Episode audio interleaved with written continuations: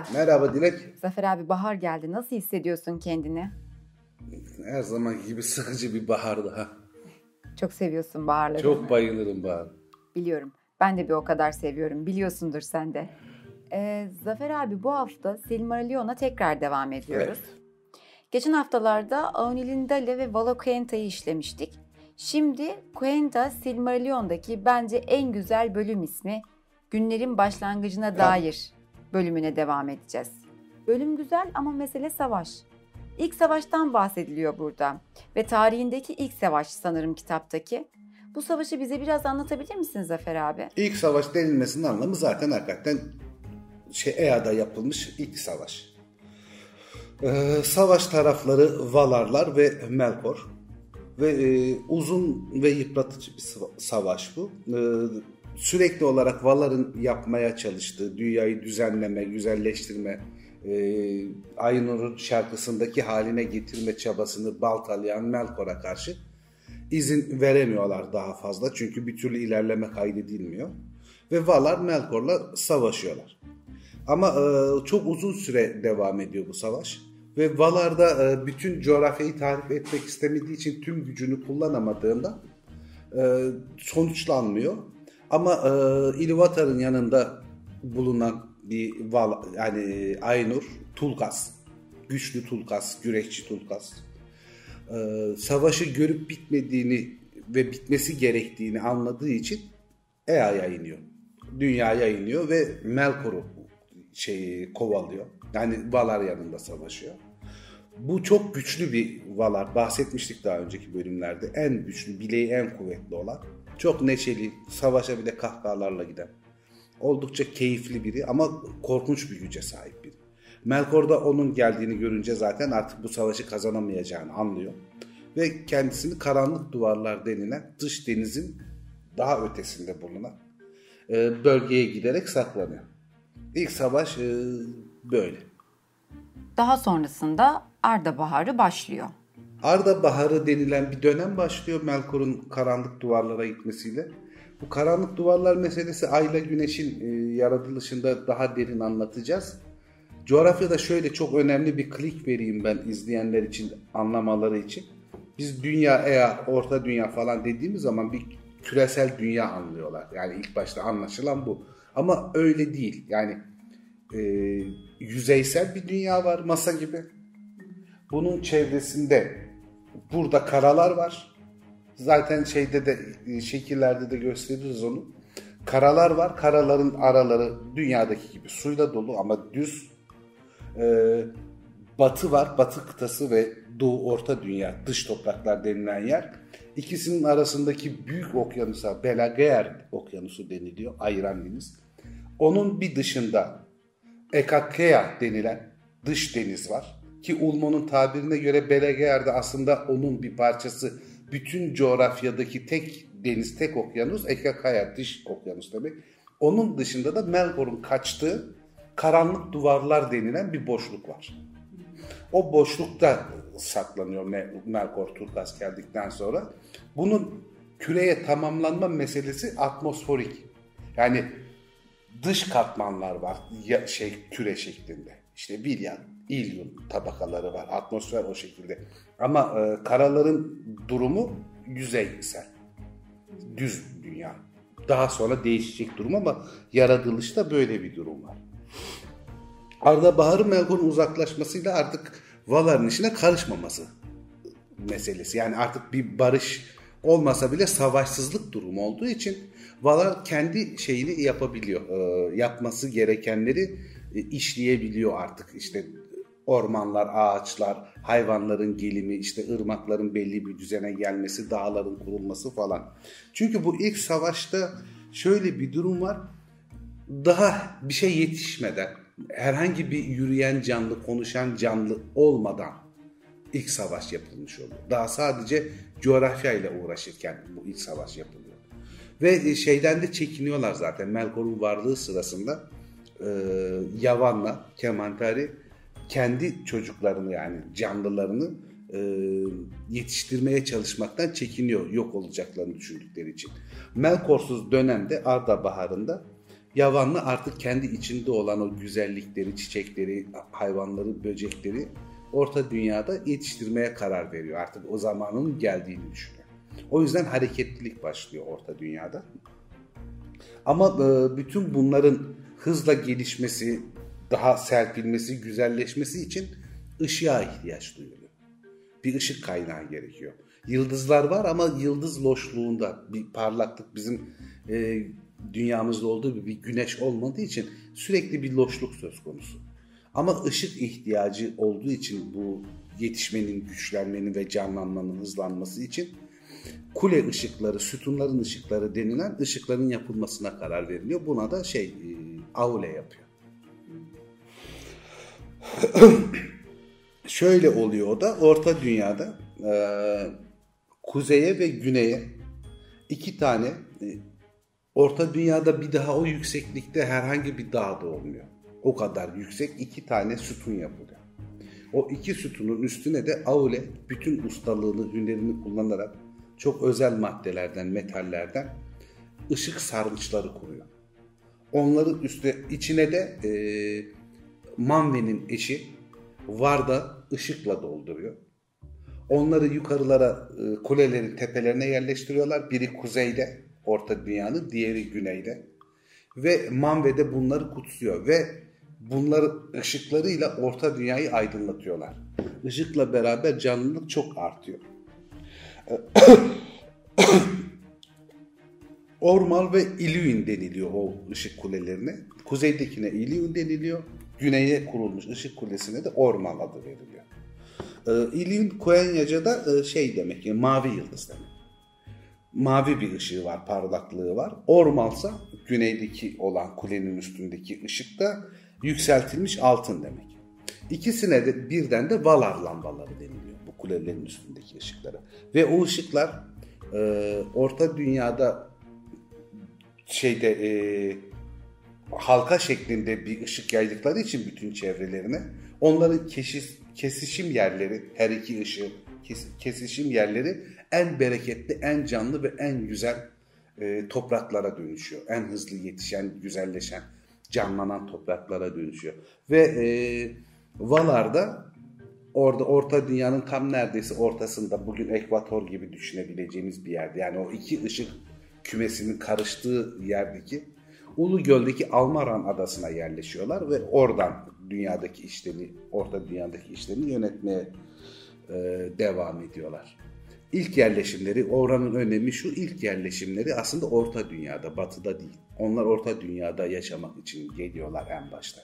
Daha sonraki anlatacağımız devamındaki olaylar sonucunda Batı'ya yerleşmeye karar veriyorlar. Bir açıdan zorunlu kalıyorlar. Yani aslında savaşla başlamış bir dönemi güzelliklerle, evet. yeşilliklerle, renklerle süslüyorlar.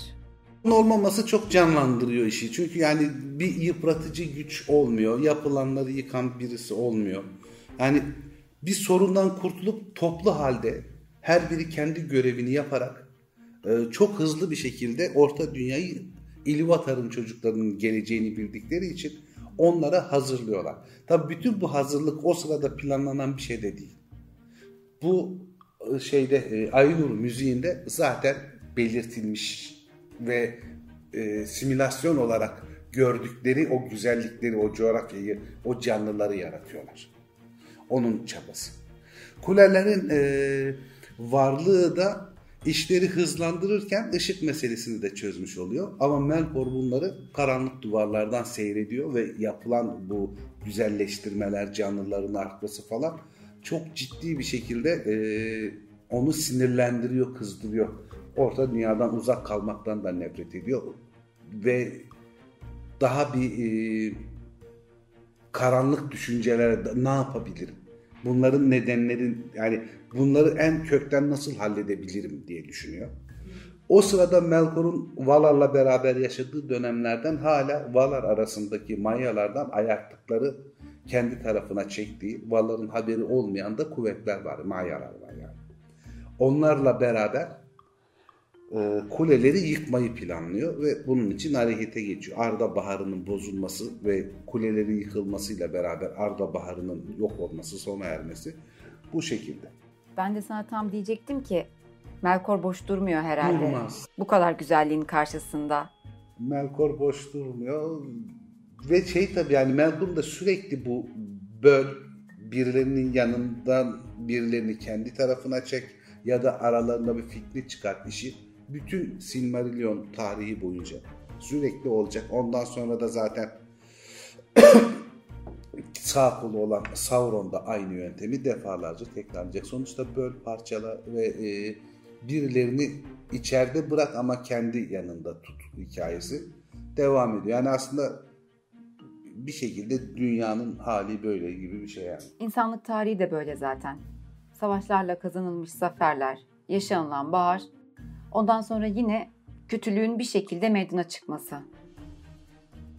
Melkor'un gelişinden haberleri olmuyor. Melkor kuzeyden, Ilún'un olduğu yerden geliyor. Ilún'un ışığı o kadar kuvvetli ki Melkor'un getirdiği karanlığı şey yapamıyorlar, fark edemiyorlar. Melkor çünkü o kendi çevresinde ayaklı Mayaları falan toplayıp bir ordu oluşturuyor. Ilún'un yakınında Utumno'da Utomno denilen bir kale oluşturuyor. Kendisine yeraltı mahzenleri olan çok derin, çok büyük, güçlü bir kale. Zaten Melkor'un da ilk büyük yerleşimi Orta Dünya'da orası yani kale olarak yerleşimi, askeri güç olarak yerleşimi orada. Onlarla beraber şey yapıyorlar. Utomno'ya yerleşiyorlar ve kuleleri yıkmak için uygun zaman kolluyorlar. Bunun uygun zamanı da şöyle oluyor. O kadar çok çalışıyor ki Valar. Özellikle Tulkas'la Aule bütün bu şeyleri e, Melkor'un zamanında yıktıklarını ve yeniden yaptıkları şeyleri düzeltmek için yorgun düşüyorlar. Manve de Orta Dünya'nın kralı olarak belli bir seviyeye gelindiği için artık bu yapım, imar, abat işlerinde e, bahar şenliği düzenliyor ve bütün valalar davetli. Bütün valalar, manyalar o davete geliyorlar. Hatta Tulkas'ta eşi olan Nessa ile o bahar daveti sırasında evleniyor. Melkor da bu davetin e, tinden yararlanıp o neşeden bir arada olmalarından habersizliğinden yararlanarak direkt olarak Ilúr'ün oradan, Utumno'nun oradan mayalarıyla kendi yarattığı canavarlarla çıkarak iki kuleye birden saldırıp yıkıyor.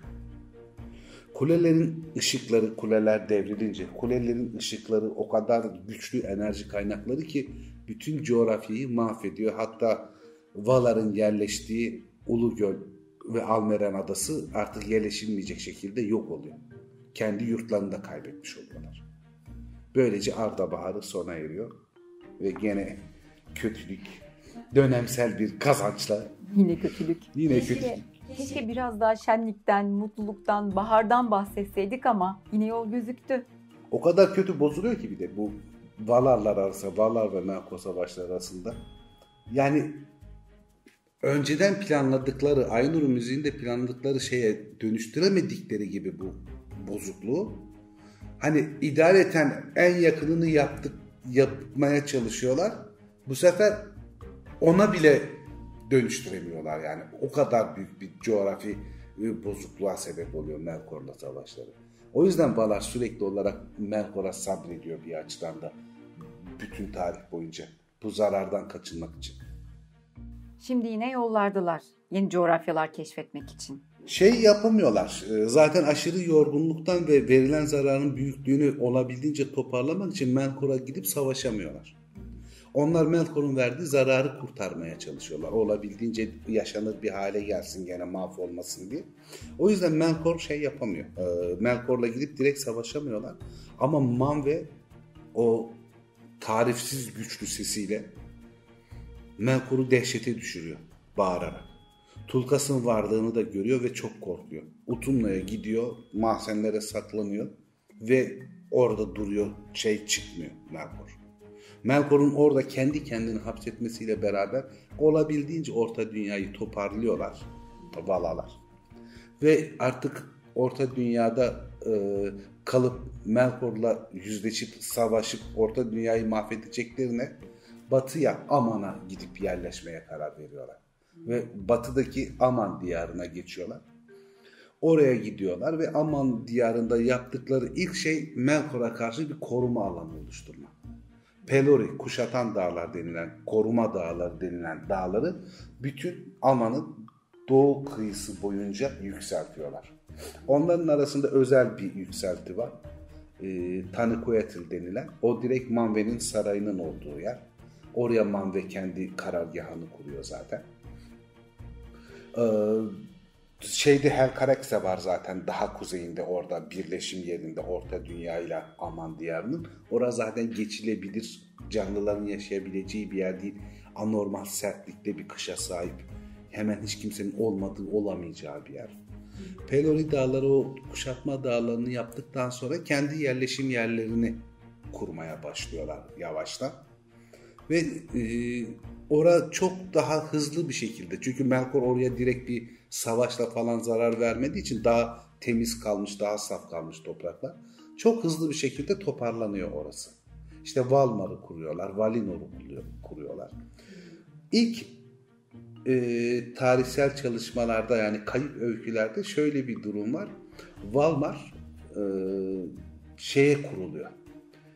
Manve'nin sarayının olduğu Tanakoyalti'nin çevresinde küçük bir kasaba gibi kurulduğu söyleniyor. Ama bu daha sonraki çalışmalarda değiştiriliyor. Ama ilk hali öyle tasvir edilmiş bir şey.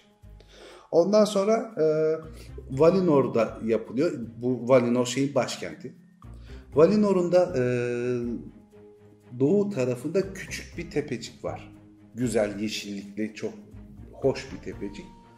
O tepeye e, Ezollohar deniliyor. Yeşil tepe manasına geliyor. Ve oraya Yavan'la gidip e, bir ağıt, bir şarkı söylemeye başlıyor. Ve e, tepecikten iki tane çok değişik e, filiz çıkıyor. O sırada Nianna gidiyor ve oradaki savaştan kalan ağıtlarını söylüyor. Gözyaşlarıyla tepeyi suluyor. Ve Yavanna ile beraber o filizlerin, o iki küçük filizin oluşmasına yardımcı oluyor. Şöyle de bir şey vardır daha ileride bahsedeceğiz ondan gene. Öyle özel bir yarattı ki bu iki filiz, iki ağaç olacak filiz. Yavan'la bir daha yani Valar bile yeryüzünde bir kere yapabileceği şeyler vardır diye tarif ediyor. Yani bunlara bir şey olursa ben ikinci kez zaten yapamam yani. Bu benim kudretim bu şeyleri, bu güzellikte, muhteşemlikte şeyleri sadece bir kez yapabilecek kadar var. Onu bir daha yenileyemem. O kadar özel canlılar bunlar. İki tane ağaç çıkıyor. Peki bu ağaçların en büyük özelliği nedir? Zamanın başlangıcı ile ilgili simgesel bir ilişkisi var. Şimdi o ağaçları ışık için yaratıyorlar gene. Kuleler mekanik canlılar. Yani mekanik yapılar sonuçta. Aule'nin yaptığı şeyler. Kulelerle ilgili şöyle de bir not, bir not vereyim. Bunları detaylandırırsak bahsederiz. Mesela gene e, ilk tarihlerde yani 1930'lardan önce Tolkien'in yazdığı tarihlerde bu daha sonra evrime uğruyor. Orada mesela kulelerin şeyi e, yapı maddesi Melkor ben yapacağım diyor. O zaman düşman gibi gözükmüyor Melkor o kuleler yapıldığında. Ama bu daha sonra değişiyor bu hale geliyor. Ve işte hiç kimse anlamıyor. Ulan nasıl bir şeyden yapmış bu? Yani muhteşem bir şey. Hiçbir şey etkilemiyor falan.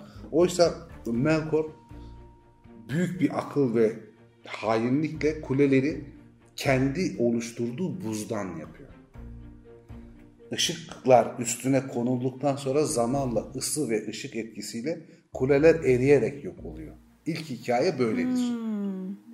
İleriki bölümlerde İleriki göreceğiz. Bölümler. Melkor hem aşırı soğuk hem ateşin efendisidir. Bu, ve onun soğuğu da ateşi kadar yakıcıdır. Ama bu daha sonra bu hale geliyor. Ama hani o detaylandırma, kayıp öykülerden falan bahsettiğimiz bölümler olursa o zaman yaparız. Bu ek bir bilgi ya da bir hayali güçlendirmek için söylüyorum. Ağaçların zamanın başlangıcı ile ilgili simgesel ilişkisi nedir? Onu sormuştum. Günler oluşuyor. Yani ağaçların e, ağaçlar büyüyorlar ve e, ilk ağaç, ilk yeşeren ağacın adı Telperion. Zaten en yaşlı ağaç, ilk ağaç falan diye de bir adı var Telperion'un adlandırılması. Telperion e, gümüş ağacı, gümüşlü bir aydınlığa sahip. Ağaçlar yedi vakit aydınlanıyorlar. Yani e, her bir ağaç yedi gün boyunca aydınlanmaya devam ediyor, zirvesine çıkıyor ve sonra sönüyor. Diğeri e, ağacın adı da şey Lorien. O da altın ağacı. Altın ağacı. O da 7 günlük bir zamanda aydınlanıyor, zirvesine çıkıyor ve sönüyor. Yalnız burada bir ardışıklık söz konusu oluyor. Telperion tam e, artık ışığını kesip dinlenmeye geçmeden bir vakit önce burada gün diye geçmiyor bu. Yedi vakit diye geçiyor. Ve işte yedi vakitten önce yani altıncı vakitinde e, Lorien aydınlanmaya başlıyor. İkisinin ışığı o sırada birleşik oluyor. Ve o birleşik olduğunda yani tarif edilemez güzellikte bir ışık doğuyor ikisinin iki ışığın birleşmesinden. O iki vakit sürüyor. Telperion ışığını tamamen kapatmış oluyor. Yedinci güne kadar Lorien ışıtmaya devam ediyor. Lorien'in altıncı gününde Telperion yeniden birinci aşamada ışık vermeye başlıyor. Ve ikisinin ışığı o iki vakit boyunca beraber aydınlatıyorlar Aman diyarını. Ve iki döngü 12 güne denk 12 vakite denk geliyor. 6'şardan 6 6. O yüzden de e, Valar'ın günleri 12 vakte bölünmüştür.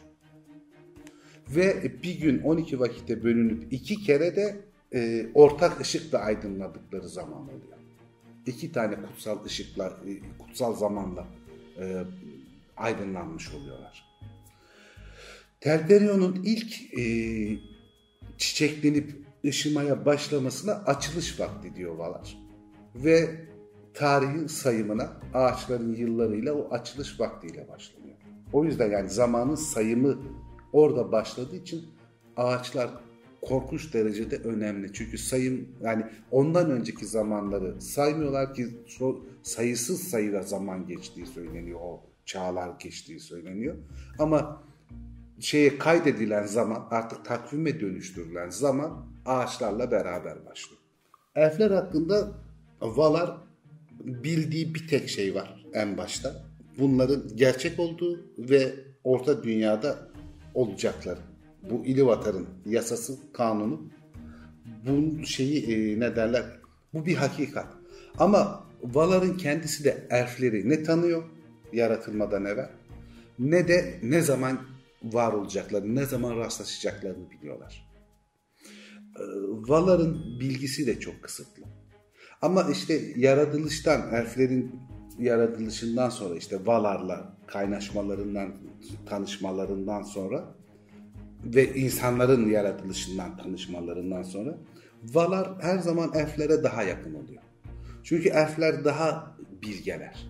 Elfler de Valar gibi e, ölümsüz yani katledilmedikçe ya da mutsuzlukla zehirlenip ölmedikçe sonsuza kadar yaşayabiliyorlar. Elflerle Valar arasında varoluşsal bir yakınlık var. İnsanlarsa kısıtlı bir hayata sahipler. Onlar ölümlüler. Yani herhangi bir şey olmasa bile ömürlerini doldurdukları zaman bir hastalıktan, bir şeyden, yaralanmadan ya da yaşlılıktan bir şekilde ölmek zorundalar. Ama bu e, ölüm durumu Ilúvatar'ın aslında benim insanlara en büyük hediyemdir dediği bir durum. İnsanların Melkor'a benzemesine gelince insanların hayatı elflere göre daha kıymetli tabii. Çünkü çok sınırlı. O yüzden de e, onlar kadar kolay dünyadan vazgeçmeleri söz konusu değil. Ya da onlar kadar rahat davranmaları söz konusu değil. Onlardan daha korkaklar. Daha e, korkuya rahat teslim olabiliyorlar çok uzun zaman geçiremedikleri için orta dünyada onlar kadar bilgi değiller. Gerçek kötülüğü süzmeleri falan mümkün değil elfler kadar. Ama elflerden çok daha yaratıcılar aslında. Böyle de bir güzellikleri var insanlar. İnsanlar. Melkor da zaten pek çoğuna göre daha yaratıcıdır dolaylı manada aslında. Daha e, zekice işler yapar. Daha daha başarılı. Yani tırnak içinde daha başarılıdır Melkor. Diğerleri o kadar başarılı değildir. Çünkü e, sonuçta Melkor ya da sağ kolu olan Sauron değil ama bütün dünyanın sahibi insanlar olacaktır. Diğer her şey silinecektir. Ben sonsuza kadar var olsun istiyorum. Melkor hiç olmasın istiyorum ama olmuyor. Benim bu hafta soracaklarım bu kadar Zafer abi. Senin eklemek istediğin bir şey var mı? Bu şeyde e, sim, bu bölümde yani günlerin başlangıcında şeylerin özelliklerinden falan da bahsedilmiş biraz işte Valar'ın özelliklerinden falan da bahsedilmiş biraz. Biz ama Valar'a ait bir bölüm yapmıştık. O yüzden hani burada yeniden detaylandırmamızın gereği yok. Yani en, en fazla şöyle bir şey var daha önce rastlamadıkları için. İyi yaşa. Sağ ol. Rastlamadıkları için çok önemli bir adı var mesela Aule'nin. Şey diyorlar, Noldor'un arkadaşı diye bir lakabı var. Çünkü Aule Noldor'la, Noldor elfleriyle çok iyi anlaşabiliyor. Çünkü onlar da onun gibi bilgi, bilgili. Yani bilim adamı, yaratıcı, uğraşıcı, el emeğiyle, deneyle bilmem neyle yapabilen. Yani yapabilirliği olan elfler onlar. Bilim adamları aslında yani Feanor falan çok ciddi bilim adamları bir açıdan. İşte e, Man ve Vanyar'la yani ışığın elfleriyle çok iyi. Zaten Vanyar'da gidip direkt Manve'nin konağında yaşamaya başlıyor. İmre suyu. Aydınlık elfler. Ee, onları hani e, şey yapacağız. Diğer bölümlerde de böyle parça parça parça parça kim kimin yanında kim kimle onlardan bahsedeceğiz de genel bilgi olsun diye. Şimdi onları e, söyledim. Başka bu bölümle ilgili daha detaylı ne verebiliriz? Birçok şey verebiliriz aslında. Hani değişik adlarını söyleyebiliriz. Yani işte şey Elberet Varda'nın bir diğer adı falan diye ama genel olarak şunu söyleyelim kapatalım bu sefer. Onu çok uzun inceleyeceğiz çünkü anlatmak çok uzun sürecek. Bir bu yatay ve havasal küresel yapı bir zamanın sayımı onu tablo haline falan getireceğim ben becerebilirsem. Bir anlaşılır hale gelecek çünkü anlatılması çok zor. Bir de üçüncüsü ölüm insanlar için neden hediye? Bu konular ayrı anlatılması gereken uzun konular. Bunları daha sonra devam edeceğimizi söyleyip bu haftalık aslında bu bölümü kapatabiliriz. Tamam o zaman Zafer abi. Haftaya görüşürüz. Böyle. Melkorsuz bölümlerde inşallah. Melkorsuz bir bölüm yok. Görüşürüz. Görüşürüz.